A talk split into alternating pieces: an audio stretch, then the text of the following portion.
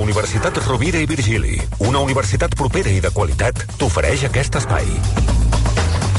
Escolta'm, si això ho avala la Rovira i Virgili, eh, qualitat total, eh? Fa uns dies llegíem a la premsa que s'ha trobat a Tapuerca la cara de l'humà més antic d'Europa, no és la del senyor Marcelí, Ah. i és que l'equip d'excavació dels jaciments de Burgos ha trobat el fòssil de la cara d'un homínid que va viure fa entre 1,2 i 1,4 milions d'anys. Jesús, deu ser doncs mort. bé, fins a Tapuerca... Fins a Tapuerca es va desplaçar ahir al migdia el nostre col·laborador, el periodista de La Vanguardia especialitzat en Ciència i Salut, Josep Corbella, que just ara està tornant cap a Barcelona i una mica eh, tot accidentat, com l'Oriol Cruz al principi del programa, sí. ha parat un moment al cotxe per explicar-nos què hi va trobar. Josep, bona tarda. Hola, molt bona tarda. Bona tarda. M'agradaria preguntar... Després, Digue'm. després de sentir Dembélé, ja no em preocupa la qualitat del so d'aquesta connexió. Això se sent molt millor. Home, se't sent perfecte, se't sent perfecte. Perfecte. Hi ha color. Uh, el senyor Marcelí té diverses qüestions per tu. La meva seria la primera, que és si el, el, la cara que has trobat mm. té alguna semblança amb el senyor Marcelí o no, o mm. ho veus diferent? Mm. doncs mira, l'han d'estudiar encara, però a primer cop d'ull sembla que sí, sembla que sí. Ah, És una cara bastant moderna per ser tan antiga. Això és com una paradoxa, no? Què vol dir, trobes... Sí, que l'expectativa d'un humà de fa més d'un milió d'anys seria doncs, un- tipus de cara amb uns trets, amb uns ossos gruixuts, amb una, amb una forma de la cara, diguem, no tan vertical com la nostra, sinó potser més tirada endavant, i aquesta, eh, aquests ossos que s'han trobat pendents d'anàlisi encara, però la primera impressió és que és una cara d'aparença bastant moderna, com la del senyor Marcelí. vols dir que s'esperava potser, dit així, eh, Com més, un més simiesca? Sí, com, sí. Sí, dit així, ho podríem dir una miqueta així, sí. Exactament, tu De, de fet, perdona, Marc, és que hi ha altres fòssils de humans del, del, de la cara d'altres uh, humans trobats a altres llocs del món antics que són així més, com dius tu, simiescs. Mhm. per, per això aquesta és l'expectativa. Mm. Uh, Josep, suposo que encara no tenen organitzat això. A tu com t'ho han ensenyat i ara mateix, doncs, uh, en fi, aquesta troballa extraordinària, com està guardada o conservada, com ho tenen? Mira, a mi no me l'han ensenyada, no he demanat de mirar-la. Jo he anat allà a parlar amb els investigadors de Tapuerca per explicar la història de la descoberta i per explicar diferents coses vinculades als jaciments. Uh, per tant, no l'he vist. He vist les fotos, però no he vist el fòssil. Me l'han explicat, m'han explicat com el van trobar de manera totalment inesperada. Um, però vaja, que no l'he vist. Aleshores, aquest fòssil, un cop el treuen, el d'entrada quan el treuen, és, és molt curiós això, no s'esperaven trobar una cara humana. I vaig parlar amb l'arqueòleg que el va extreure Sí. i el primer que va pensar no va ser que fos humà. Va pensar, mira, un os pla més com tants n'hem trobat. Mm. I el va treure, després en va treure un altre trosset, i quan va sortir el tercer trosset, va dir, ai coi, uh, i va cridar la directora d'aquella part de l'excavació, la Rosa Huguet, que és de la Universitat Rovira i Virgili, precisament, casualitat. um, I llavors la Rosa, en aquell moment, el fòssil encara estava ple de terra, o sigui, era, no, no es veia de manera tan nítida com es veu les imatges, i la Rosa va pensar, doncs mira, portem-lo al laboratori mirem-lo aquesta tarda. I el van portar, i en aquell moment tampoc no es pensava la Rosa que fos humà, perquè no s'esperaven trobar un fòssil humà allà en aquell jaciment i amb aquella antiguitat. El porten al laboratori, el netegen, el comencen a comparar amb fòssils d'altres animals trobats en aquella zona, en, i d'aquella antiguitat, no s'assemblava cap, comencen a comparar amb registres d'altres fòssils humans d'altres llocs, i diuen, ai, coi, això no comença a semblar sospitosament humà. I aleshores el que van fer va ser, aleshores truquen a l'Eudal Carbonell, truquen al José Mari Bermúdez de Castro, que és paleontòleg, El del Carbonell, Truca. amic del senyor Sí, Buigas. sí, bueno, a mi que admirador meu. Mm. Mm. I aleshores, quan hi van els paleontòlegs, perquè això és, el, fins ara tots els que t'he parlat són arqueòlegs, Mm. no paleontòlegs, i hi ha un matís interessant aquí, quan hi van els paleontòlegs i va el José Mari Bermúdez de Castro, a primer cop d'ull diu, primer microsegon em va dir, és humà, inequívocament humà. O sigui que va tri van trigar una miqueta a adonar-se de la riquesa del fos dels fòssils que havien trobat. Però què es veu? Però es veu com si fos una fotografia, això. És que no, no ho acabo d'entendre. Miri, s'ha d'imaginar unes quantes... Eh, són fòssils, per tant, són minerals, unes quantes pedretes, s'ha Sí. d'imaginar, Sí. amb esmopades, eh, i, i, i mira, la, les més grans tenen eh, com una mida d'uns 3 3 per 3 o 4 centímetres, són dues, i això, si tu poses, et mires 3 o 4 centímetres de la teva cara eh, doncs és un bon tros de cara, llavors n'hi ha un que és de la galta, n'hi ha un altre, aquests són els dos medicaments, un altre que és de la part superior del maxil·lar, després han trobat un tros de dent amb un altre tros de maxil·lar i després han trobat alguns... Eh, les arrels de les dents dels, dels queixals que es fiquen dintre del maxil·lar. Per tant, és, són mitja dotzena de peces eh, que estan separades unes de les altres. La, el que és interessant és el que es pot fer amb això, que és, eh, es pot, primer s'ha d'estar al, al laboratori on l'estan eh, polint, restaurant, i posant a punt, i mirant, llavors el que es farà serà um, una, el posar en una màquina que tenen allà, que és un TAC, per fer una mm, mirar exactament, amb molta precisió, totes les característiques de com és. A partir d'aquí, en programa d'ordinador, el muntaran, diguem, en un programa d'ordinador, Mm. mm. per, per veure l'aparença que tindria. Per simetria, aquest programa generarà l'altra meitat de la cara, Ah, de manera que ja podran tenir com la cara eh, completa en la mesura que aquestes 6 o 7 peces ho permeten. I aleshores, a partir d'aquí, el que es farà serà comparar-ho amb totes les altres cares de fòssils humans de més de mig milió d'un milió d'anys d'altres llocs del món, per veure on encaixa, de qui era parent, de qui era descendent o de qui era ancestre aquest uh, homínid trobat ara a és a dir, m'estàs dient que d'aquí un temps podrem tenir una imatge semblant a una fotografia o, o no serà tan així? Mira, la idea de la del Carbonell és farem una imatge a partir d'aquestes imatges generades amb ordinador, que són, no són inventades, eh? és el model d'ordinador, a partir de les peces, diguem que fas una, un model, una reconstrucció tridimensional del que, de la part que tens dels ossos. A partir d'aquí, mitja cara serà el que es veu dels ossos i l'altra mitja cara, la seva intenció és completar-ho amb com, quina aparença devia tenir realment aquesta persona. O sigui, sabent que els ossos són d'aquesta manera, quins músculs devia tenir a sobre, perquè a partir dels ossos pots deduir la, la musculatura que hi havia. I amb aquesta musculatura, quina era l'aparença d'aquesta persona. Per tant, si tindrem una cara, una simulació el més precisa possible amb les dades que tenim de com era la cara d'aquests humans de fa 1,3 o 1,4 milions d'anys. I ens deies lligant amb l'inici de la conversa que serà una cara que no ens sorprendrà. És a dir, que mm, la, la trobarem força semblant a la nostra. Mira, s'ha d'acabar l'anàlisi i veurem com surt, però a primer cop d'ull sembla si bastant no gaire diferent de la nostra. Això és el que sembla a primera vista. M'he quedat amb una qüestió que ens explicaves també al començar, que ens deies la troballa per casualitat. Ho deies perquè és una zona que no s'hi esperava trobar-la, perquè s'estava buscant una altra qüestió, es pensava que era d'un animal, com explicaves, o per què aquesta qüestió de la casualitat? Mira, això és interessant. Això s'ha trobat en un jaciment que es diu El Elefante. El Elefante, eh, que es diu així perquè fa 50 anys hi havia, si veia ja un fòssil que presumptament podia correspondre a un elefant, eh, aquest jaciment no es considerava interessant. I ara t'explicaré per què. Aleshores, l'Eudal Carbonell, fa anys, eh, ja passejant per la trinxera, va veure una, a la, a la, aquest jaciment estava... Ja, perdona, deixa'm explicar una cosa abans. Sí. A Atapuerca es descobreix perquè està en una serra on es va construir un ferrocarril per portar carbó des del de el nord d'Espanya, des del País Basc, a una zona més central. Aleshores, al construir la línia de ferrocarril van tallar a través de la serra. I al tallar a través de la serra van quedar al descobert un seguit de minerals que hi havia dintre de la serra. I entre aquests minerals, quan després hi van anar a arqueòlegs i paleontòlegs van dir ai coi, aquí hi ha material interessant, no? I així és com es va treure. Llavors, en aquesta trinxera que va fer el ferrocarril, una de les, mm, de les superfícies que van exposades és aquesta, aquest elefante, la trinxera de l'elefante, a, a la cima de l'elefante, no la venc. Aleshores, l'Eudal Carbonell, un dia passejant per allà, va dir, aquí hi ha alguna eina.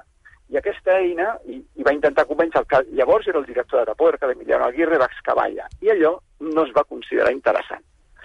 I no es va considerar interessant perquè la forma d'aquesta cova, tal com era, era una cova vertical amb una abertura a la part superior i una caiguda d'uns entre 15 i 20 metres.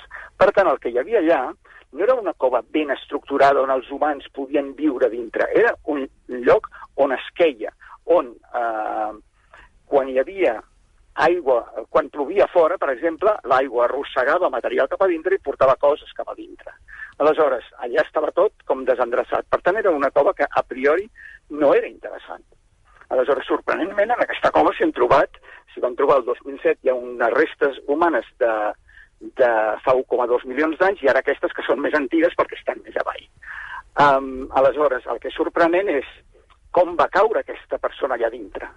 Perquè, clar, la, a diferència d'altres llocs de Tapuerca, altres llocs de Tapuerca, com que hi vivien, eh, els ossos tenen, té un sentit que hi siguin, però aquí, per que trobar restes humanes, hi ha d'haver eh, hi ha d'haver caigut. I la Carai. sospita que, que tenen, i per tant es considerava altament improbable que es pogués arribar a trobar, i menys en jaciments de tanta antiguitat. I aleshores la sospita és que eh, això correspon a una persona adulta que va morir fora de la cova, que potser es va començar a descomposar fora de la cova i que l'aigua, perquè era una zona molt rica amb aigua, això se sap pels, altre, pels fòssils d'altres animals que s'han trobat, um, l'aigua el va arrossegar cap a dintre mm. i casualment ara ha aparegut. Per tant, ha estat com un regal inesperat. I no podria ser que hi hagués hagut una altra obertura que s'hagués tapat amb, amb els segles?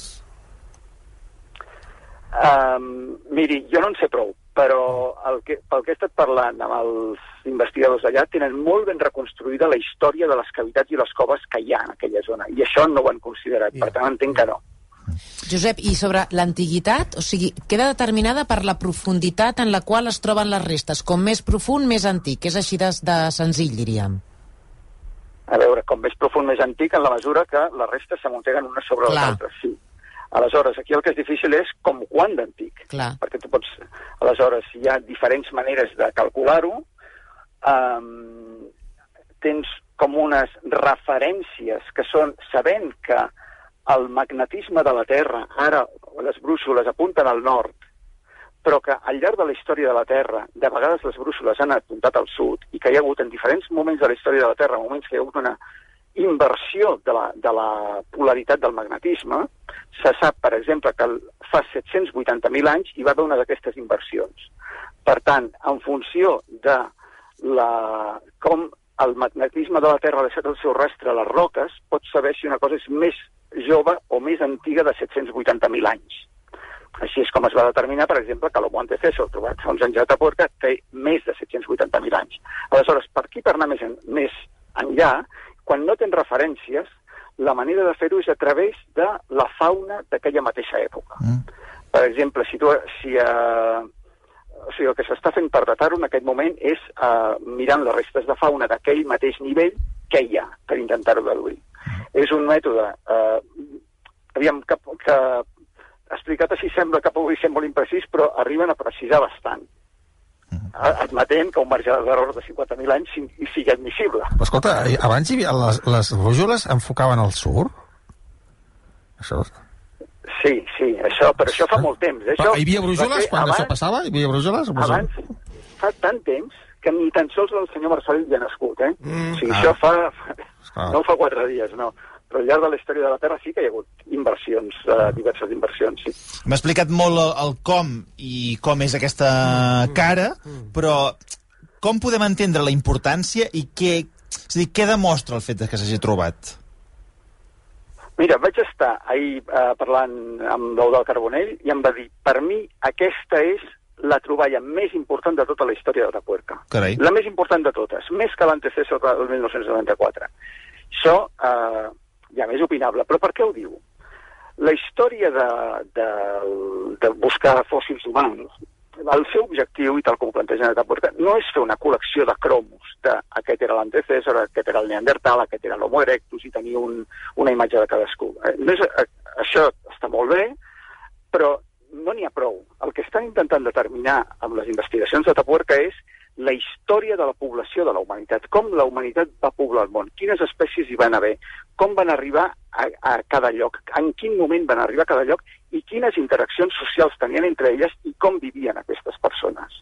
Aleshores, el fet de trobar que hi havia un humà, a més amb aquestes característiques aparentment modernes de cara, fa 1,4 milions d'anys, a, a l'extrem més occidental de tota Euràsia, què vol dir això? Mm. Vol dir, d'entrada, doncs que hi devia haver, com que venien els humans, el gènere Homo es va originar a l'Àfrica, eh, i no van poder venir a través del Mediterrani perquè no tenien eh, coneixements de navegació, Exacte. vol dir que van, van arribar a través de eh, Orient Mitjà. Per tant, que tota la banda del sud d'Europa, com a mínim, estava poblada, perquè per arribar aquí havien hagut de poblar tota la resta. El fet de trobar-ho, a més a més, en una situació tan improbable com aquesta, pots dir, és que és com trobar una agulla en un paller. Però és que per trobar aquesta agulla potser el que passava és que hi havia moltes agulles i hi havia milers i milers de persones ja a Europa en aquell moment. Aleshores, el que està la importància de- d'aquest d'aquest fòssil no és només el fòssil en si, és el que aquest fòssil ens diu sobre com es va poblar eh, Euràsia en el passat. Crec que vas dinar amb, el, amb lo del Carbonell. Hòstia, t'ho ha dit, això? Tenim molta informació, eh? Molta... Sabem fins i tot què veu, què veu menjar, també, ens ho han explicat, eh? No sé si et va donar records pel senyor Boigues, on veu arribar Va dir aquest tema cosa? tan important. Va dir alguna cosa de mi o què? Doncs miri, sento decepcionar-lo, però no, de vostè no van parlar. Bueno, Estem, ja- estem, ja. estem més tranquils. Sí. Eh, bueno, què et va explicar d'en quin punt es troben les excavacions? I una altra qüestió que també m'ha cridat l'atenció és que crec que només s'hi excava eh, un mes i mig a l'any. Sí, sí. Mira, de les excavacions en vam parlar poc. De, vam parlar molt d'una primícia que podreu llegir demà a La Vanguardia. Ah, ep.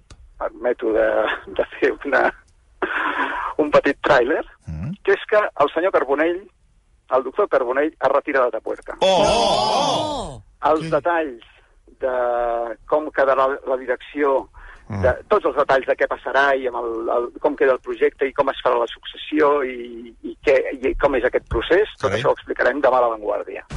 Aleshores, vam estar parlant molt de què farà ell, i saps què li fa molta il·lusió? A veure. plantar vinya. Té un, ca, uh, té un terreny en un municipi no gaire lluny de Burgos, on viu ell, on plantarà vinya i cultivarà vinya. Aquest Deu el- deu haver acabat el fins al capdamunt de fòssils i ara va plantar vinya. Escolta'm, doncs és una notícia bueno, que t'agraïm sí. que ens, eh, que ens les que ens l'avancis perquè, en fi, és un autèntic referent, una persona amb una trajectòria impecable, lligat totalment a Tapuerca i tant. i que ho deixa després de- d'un munt d'anys. Però jo en tinc una altra, de, de primícia, si vols. Eh, Josep, vols una? No digues res. Digue'm. Bueno, que aquí ens acompanya la persona que ja es perfila com a successor. Ah, sí, que no diguis res, home, que encara està per parlar i estem parlant i m'han d'oferir el que jo demano. Aviam. I què, què demana, què demana? Bueno, calés, calés. aviam. Ara ell se n'ha anat això de la original. bodega. Eh? Que original, Sí, senyor Boiga. sí, és clar, és que amb calés tu pots gastar amb tot, eh? I, bueno, hi ha uh, una excavadora, també, per remoure allò una mica més, perquè no està gaire remogut, van amb un pinzell i no acaben mai. Quan acabin, ja, el que estan fent ara ja serà una antiguitat. no, tarden o sigui- tant que el tio pri- primer que va, va agafar aquell pinzell, Sí. quan s'ha mort, ja han, ja han descobert els seus Vostè vol canviar el ossos. mètode i entra, entra a Excavadora. Trapuerca amb una Excavadora. Escolti, ràpid, per què no sí. fa un altre sistema? Per què no ho fa amb dinamita? Quina mania amb la dinamita, vostè, aquesta tarda, O un també. eh? bufador, un bufador. brrr, Sí, d'aquells. el, de les, el de les fulles. Sí. També, això també... Que per Jo, totes aquelles pols, muntanyes, una mica de dinamita, Mm, i, sí. escolta, em sortirien ossos, però... Primer aplanar-ho tot, que així tu ja és més còmode per caminar per allà. I un cop tot pla, doncs busques la sorra. Quin gir, no?, li espera a Tapuerca amb el senyor Buigas. doncs escolta'm, eh, convidarem, si vol, abans de passar per les vinyes, el del Carbonell, que vingui a explicar-nos la era, seva era experiència. codirector d'aquestes excavacions des de l'any 91, eh? Suposo que no farà vins joves, farà realment- vins vells, no? Perquè, com hi diu, que, saps? Que tingui una mica d'història, els vins. Preparis totes aquestes brometes i les explica Eh? quan vingui el del Carbonell. Sí, va, programa. ja, ja. Josep, on estàs ara mateix? Una àrea de servei Mira, o on he estàs? parat en una àrea de descans perquè no arribava temps per entrar a la connexió a l'àrea de servei, molt a prop de Logroño. I què? En la I gronya. quin temps fa aquí? Quin temps I fa? mira, des de que he sortit de Burgos, que són uns uh, 100 quilòmetres aproximadament, ja he vist dos incendis. Un amb un camp de dius, ara? cereals prop de Tapuerca i un, els dos petitons, eh? Però m'ha sobtat. I un altre aquí amb una zona de ma matolls a prop de Logroño. Aviam si el teu cotxe es tot desprèn xispes per darrere. Sí, home, que no siguis tu. Ara, ara, ara. Esperem que no, esperem que no. Josep, una abraçada. Digues, digues. Ah, no, em preguntaves que només excaven un mes i mig Sí, l'any. sí, disculpa, sí. Sí, això, això té una explicació. Anem a veure. Uh, no és que només treballin un mes i mig a l'any. Uh, en aquest mes i mig té una quantitat de material enorme. I a més a més, uh, tal com és un dia d'excavació a Tapuerca, només excaven als matins. Perquè aquest material que treuen als matins, a la tarda el porten al laboratori per començar-lo a triar i a seleccionar i analitzar. Aleshores, tota aquesta quantitat enorme de material, com per exemple aquests eh, ossos que parlàvem d'alumini humà, d'alumini de, de fa 1,4 milions d'anys, aquest material triga anys a analitzar-se. Aleshores, la resta de l'any, a part que són professors d'universitat, a part que tenen projectes de recerca, a part que tenen altres feines al marge de, del projecte de Tapuerca, els dediquen a investigar, estudiar tot aquest material, aquesta quantitat enorme de material extreta durant la campanya d'estiu que dura eh, sis setmanes. Doncs mira, ideal. Tu només treballes matins, perfecte per mi. Jo ho passaré a la tarda, per això, eh? De 7 a 8 de la tarda, treballar i ja està. En fi. Josep, doncs llegirem atentament demà aquesta informació que ens ha deixat sorpresos a, a l'avantguàrdia. En tot cas, en fi, un munt d'anys de, de dedicació i les coses que deu, uh, deu poder explicar, suposo, uh, ara que, me- que ho deixa, diguem-ne, el del Carbonell, deu tenir un munt de, de vivències per, per explicar-ho. Ell Tant sí. de bo puguem fer el programa. Ell sí, perquè els ossos poc en xerraran. Josep, uh, ets de gelats? T'agraden els gelats? que, No t'ho esperaves, això, gelats ara? No t'ho esperaves? No, vull dir que igual a l'àrea de serveis agafes aquí un polo, no sé. Mm. Què? Doncs mira, el que he fet ha estat, eh, com que passen eh, cotxes i camions aquí per l'autopista, m'he tancat dins el cotxe. Mm. Um, com que el motor fa soroll, uh, he apagat el motor, s'ha apagat l'aire condicionat i en aquest moment m'estic uh, literalment fonent. Oh! Pobre. Doncs ja, ja ho deixem aquí, eh? Però et preguntava dels gelats perquè ara en parlarem. Eh, no sé si tu en tens, tens una dèria amb un gust concret o fas alguna barreja? Uh, no, sóc molt clàssic, m'agraden els sorbets. Molt bé. Arranca un motor, arranca un motor que, que, que, que et quedaràs tant, fregit aquí. I tant. Arrenca, arrenca. Josep, una abraçada. Moltíssimes gràcies i demà llegim a l'avantguàrdia. Un plaer, com sempre. Adéu, adéu, bona tarda. Adéu, Adéu, adéu, adéu. adéu. Doncs uh, passarem d'un extrem a l'altre, parlarem de, de gelats ara mateix, perquè hi ha persones, senyor Marcelí, que es dediquen uh, a buscar gelats estranys. Per doncs- exemple, n'hi ha un al mercat, que és el gelat de Netflix. No sé. Hi ha una empresa que ha creat el gelat de Netflix, Ai, però no només aquest, sinó un munt de, de gustos diferents. De seguida en parlem, que per cert, Marta, us hem preguntat a través de les xarxes socials, concretament, quina mena de barreges feu, no? Sí, quina és Quines la vostra combinacions? combinació favorita de gustos de gelats? A mi Però- m'agrada de, de, de Ho hem preguntat a Instagram. Amanita faloides m'agradaria provar. Bueno, ara parlem de barreges, però abans un consell extraordinari. Doncs sí, perquè si esteu pensant, no sé si és el teu cas, Marc, Sí. Tu et estàs pensant en comprar-te un, un Mercedes-Benz, per exemple, per estrenar-lo aquest estiu? De vegades al cap- passat pel cap o no, aquesta tens idea? molts pensaments, de moment no, però ara que venen vacances i que tens temps per pensar en altres coses, poder ser Doncs que... si et passa pel cap valdria aquesta idea de comprar-te un Mercedes-Benz, t'has d'apropar als concessionaris Mercedes-Benz Autolica. Jo et dic una cosa, jo sóc especialista Barcelona. en, en provar-los i no quedar-me'ls, però mm. escolta'm, ja l'he provat. Doncs Ja això és- deu fer molta ràbia al concessionari, eh? No per crec això que faci molta gràcia, Per això eh? te'ls deixen, perquè els provis. Si se us passa pel cap aquesta idea Mm. i no els voleu només provar, sinó també comprar, podeu passar pels concessionaris Mercedes-Benz Autolica, Cars Barcelona i MB Motors abans del 31 de juliol i emportar-vos qualsevol model de Mercedes-Benz amb entrega immediata. Això de l'entrega immediata és important i ens han demanat que ho diguem a poc a poc. Sí. Amb entrega immediata. Informeu-vos-en i consulteu condicions només a Autolica, Cars Barcelona i MB Motors. Fan bé de dir-ho, perquè l'altre dia que parlàvem d'entregues de, de, en fi, de, de bicicletes, No, no, aquí és- que una bicicleta Vas deia que cap allà i te l'entreguen. tardaves un any, doncs un cotxe saber que te l'entreguen de seguida, és important. millor. De seguida fem una pausa i de seguida també parlem de gelats i de les barreges que feu. Jo en tinc una, tinc una, que és boníssima, boníssima. Gelat de galeta Maria, Sí? gelat de galeta Maria amb xocolata. Ah, està Com bé. simulant el típic eh, galeta amb xocolata Sí, de tot- tota la Sí, vida. sí. Proveu, proveu. Faré un màster a la URB per tenir més oportunitats laborals. Faré un màster a la URB per poder treballar del que m'agrada. Tria la teva especialització entre els més de 90 màsters i postgraus presencials i virtuals de la Universitat Rovira i Virgili. Inscriu-t'hi ara. Continua avançant amb la URB.